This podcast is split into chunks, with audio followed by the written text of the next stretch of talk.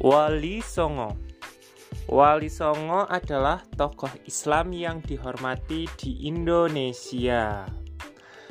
Wali Songo sangat terkenal di Indonesia, khususnya di Pulau Jawa, karena peran historis mereka dalam penyebaran agama Islam di Indonesia.